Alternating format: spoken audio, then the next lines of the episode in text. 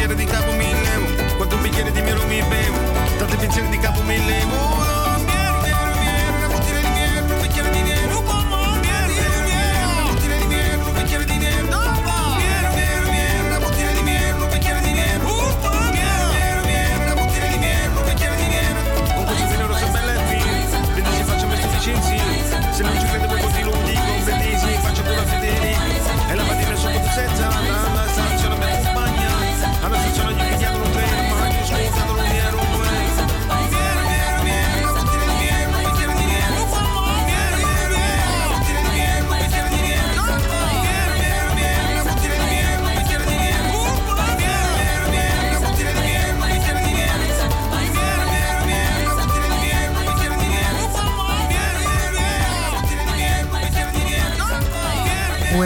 sapi sta quiet, ue, non sapi sta quiet sono gli Epifani Barbers e continuiamo con il libro E tu splendi di Giuseppe Catozzella.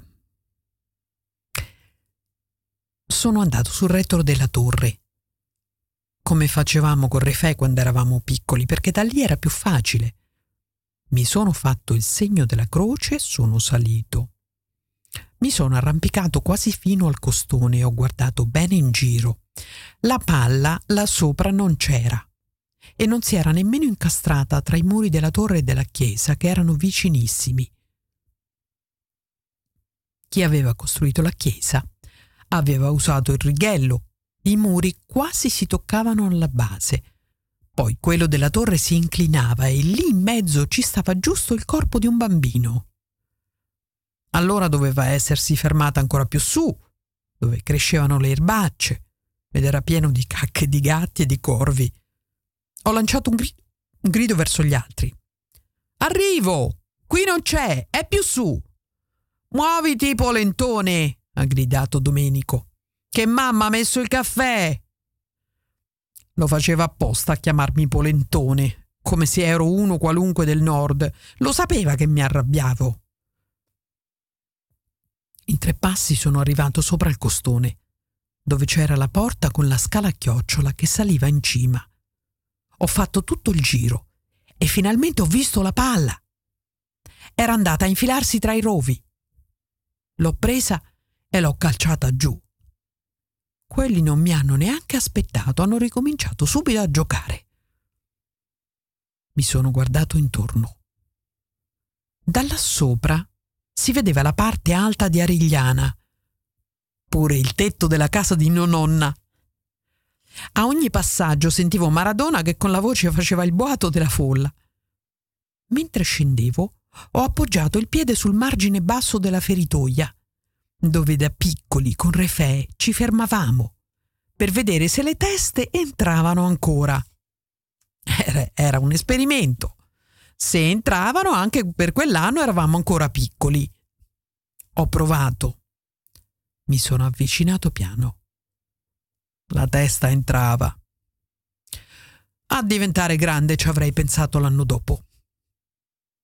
All'improvviso, di fronte a me, dentro il buio della torre, ho visto un lampo.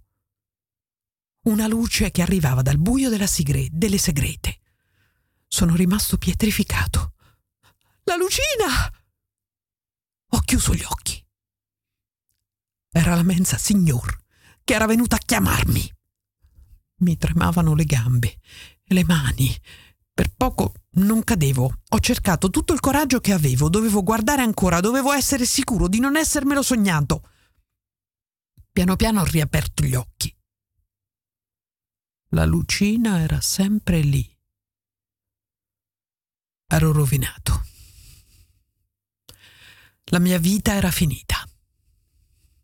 Poi ho riguardato, ma un momento dopo non c'era più.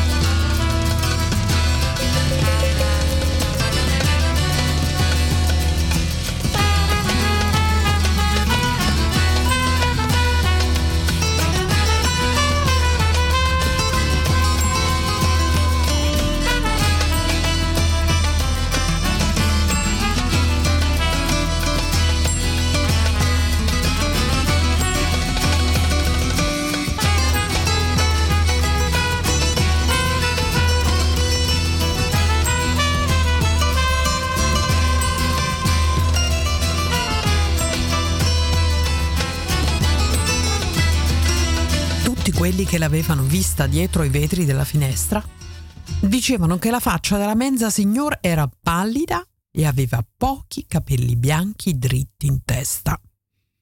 Alcuni giuravano che aveva gli occhi rossi, altri che ce li aveva normali. E proprio per questo faceva ancora più paura.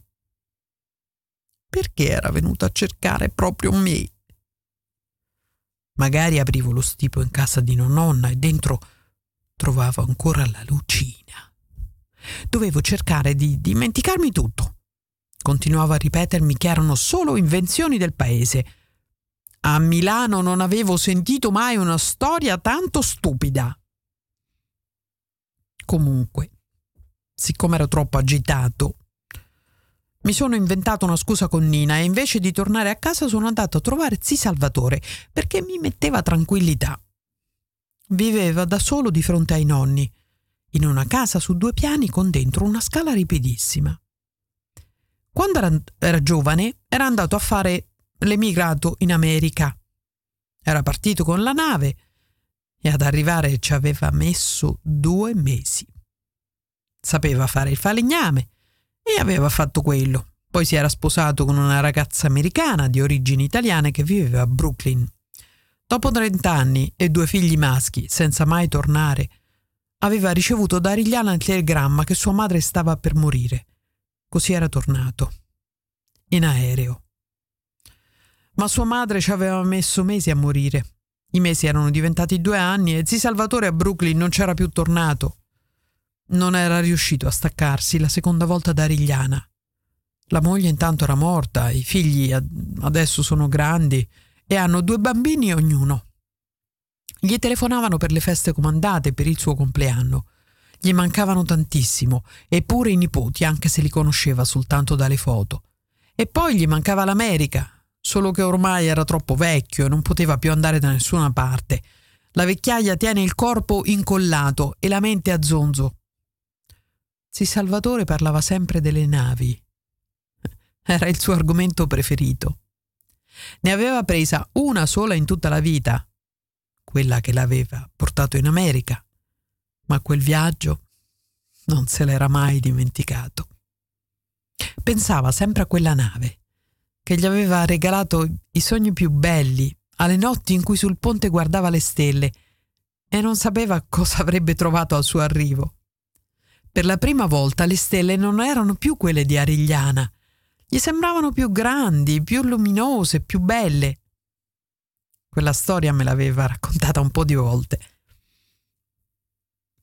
Zi Salvatore si portava il lauro di falegname scritto nelle mani perché nella sinistra erano rimasti solo il pollice e il mignolo. Le altre dita le aveva lasciate a Bruclino, diceva sempre. Io e Nina, quando eravamo piccoli, per prenderlo in giro, facevamo la cornetta del telefono o anche la bottiglia mentre si beve, perché quella era la forma della mano di zi Salvatore. Era un anno che non andavo a trovarlo, ma sapevo che aspettava me per scrivere lettere bellissime ai suoi due figli e alle loro famiglie, perché non sapeva scrivere. Come sempre stava seduto davanti a casa e guardava il muro di pietre di fronte. Il bastone era appeso alla maniglia della porta. Su quel muro c'era il cerchio di ferro dove un tempo si attaccavano gli asini sudati, quando si tornava dai campi, a fine giornata, per non farli entrare accaldati nei lammioni umidi. Adesso a quei cerchi ci sono legate le funi per stendere i panni. Sei fatto grande, mi ha detto zi Salvatore quando sono arrivato. Però si vedeva che lui lo pensava veramente. E infatti mi ha trattato come un adulto e mi ha porto la mano per stringergliela, come se fosse tutto normale. Per fortuna era la destra, Piano piano siamo entrati. Sul mobile c'era ancora il giradischi che si era portato dall'America. Era stato il primo ad Arigliana. In gioventù, grazie a lui, la domenica il vicinato ascoltava Claudio Villa.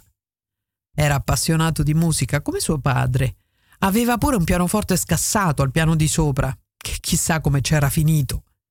Da piccolo provava a suonarlo, poi era tornato senza dita. Mi ha chiesto se volevo un caffè, ma non ero ancora così grande. Chissà chi si credeva che ero.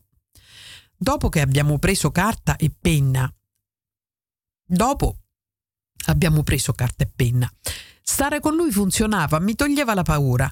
Lui mi diceva cosa voleva scrivere e io improvvisavo. Scrivi che la pensione mi basta per campare e anzi ogni mese riesco a mettere da parte qualcosa per comprare i regalini ai nipoti, ha detto. Scrivo tutto quello che mi dite. A zi Salvatore davo del voi perché ero abituato così e se no ci rimaneva male. Ogni tanto pure lui dava del voi a me perché si sbagliava. Allora ho scritto a soldi qui non sono stato mai stato tanto prolifico. Pensa che la pensione stessa io la uso solo per le spesucce quotidiane del più e del meno. Ho fatto una grande fortuna con queste fare, con queste gare che fa il mio cavallo Ringo Starr. Zi Salvatore tanti anni prima aveva un cavallo, ma adesso era morto. E le vince tutte, e sono ogni volta molti e molti soldi. Ma soprattutto ho vinto alla lotteria e i soldi non so più dove metterli. Sotto il materasso è già pieno. Poi mi ha detto Scrivi che purtroppo qualcuno dei miei amici è morto, ma mi sono fatto un nuovo amico, che sei tu. Io ho scritto. Qui non è tutto come prima, perché molti se ne sono andati a precederci nell'aldilà per sistemare le cose. Però ho un nuovo amico, si chiama Pietro ed è il nipote di zi Beatrice e di zi Nunzio, ed è il ragazzo più simpatico e bravo che abbia mai visto. E magari potrebbe andare d'accordo con i miei nipoti, se venissero qui a conoscerlo. Poi Pietro è anche molto bravo a scuola, ha quasi tutti otto ed è stato promosso a pieni voti.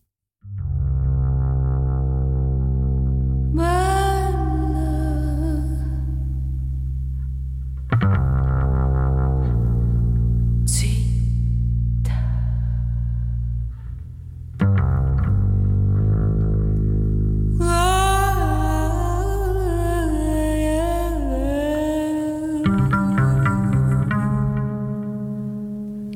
Yeah.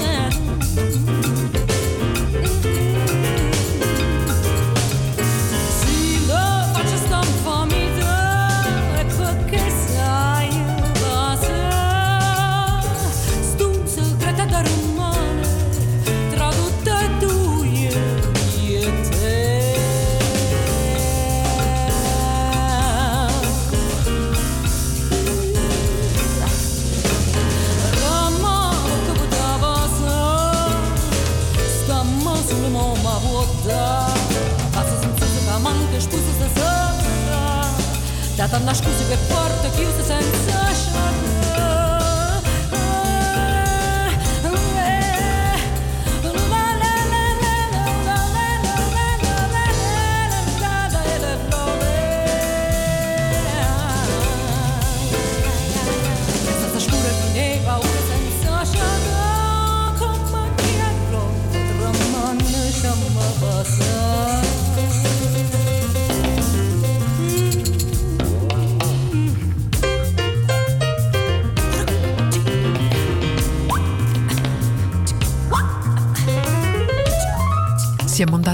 per un pezzo ed è venuta proprio una lettera bella lunga.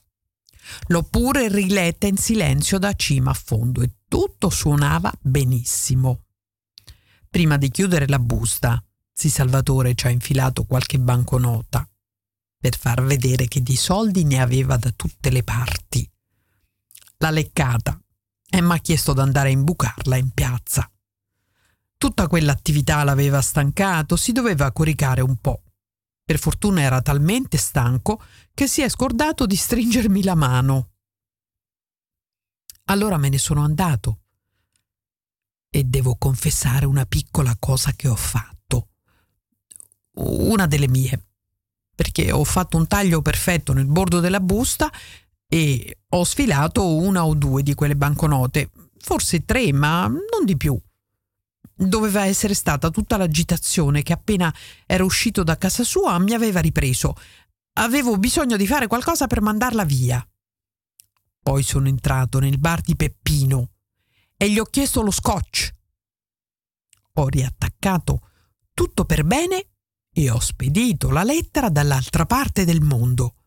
In America addirittura. Chissà quanto tempo ci avrebbe messo ad arrivare. E come chi due? Malato,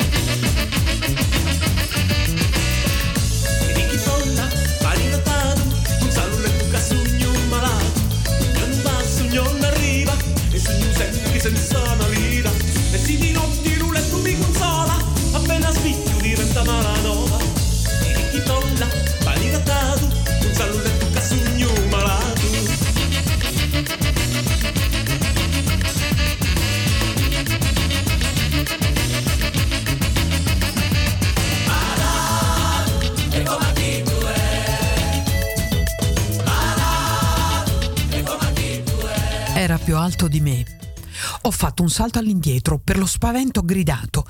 Senza rendermene conto ho afferrato il sacchettino che tenevo il gatto al collo e mi sono trovato attaccato alla parete. La presenza ha alzato una mano. Non sapevo cosa fare. L'unica cosa che mi è venuta è stata di stringere la torcia nella tasca, poi quello ha alzato pure l'altra mano. Allora ho acceso e l'ho illuminato in faccia. Lui ha strizzato gli occhi e si è girato spaventato. La luce lo aveva ferito. Ho abbassato il fascio e si è voltato, ma la mano la teneva sempre davanti alla faccia. Poi lentamente l'ha spostata. Era un ragazzino. Aveva i capelli scuri, gli occhi però erano chiari, perché quando ho tolto la mano brillavano. Non sparare, ha detto. Aveva l'accento straniero, ma parlava la nostra lingua. È solo torcia, no pistola, ho detto io, parlando come un indiano pelle rossa. Poi sono arrivati dei rumori dal fondo. Ho illuminato in quella direzione e ho visto. Nello spiazzo c'era tutta la famiglia, o almeno un gruppo di uomini e di donne, seduti a terra su un grande telo aperto e su un materasso. Erano degli stranieri e li avevo scoperti io. Un uomo solo stava in piedi e si toccava la testa. Una camicia bianca, diciamo bianca, gli usciva dai pantaloni. Tre donne con un braccio si stringevano le ginocchia e con l'altro si proteggevano gli occhi dalla luce. Avevano le teste coperte da scialli, come una nonna in inverno oppure quando usciva per andare al forno. Altri due uomini tenevano le braccia davanti agli occhi. Allora ho spostato la luce, loro hanno scoperto i visi e ho visto la faccia della fame. Mamma mia, che brutta! Una cosa più brutta al mondo non l'avevo vista mai. Erano umani, ma sembravano scheletri, gli occhi gli uscivano fuori dalle orbite. Mi avrebbero mangiato tutto intero e non avrebbero scartato neanche le ossa e manco le scarpe se ce le avessi avute. Anche se il coraggio è una dote che non mi manca, quelli erano in tanti e mi guardavano come se mi volessero sbranare. È giusto essere coraggiosi come leoni, ma bisogna pure essere furbi come volpi. Allora mi sono voltato e sono scappato. Tenendo il sacchettino ben stretto nel pugno, ho corso più veloce che potevo.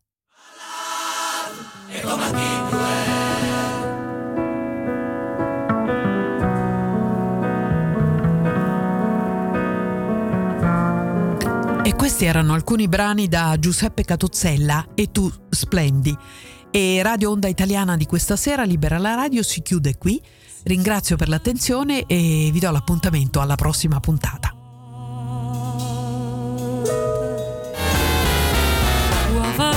Avete ascoltato Libera la Radio, a cura di Silvia Terribili. Informazione, musica e cultura italiana il lunedì dalle 20 alle 21.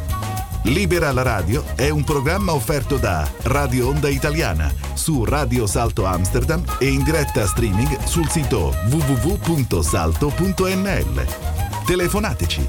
Telefono 020 78 84 320. Scriveteci. Info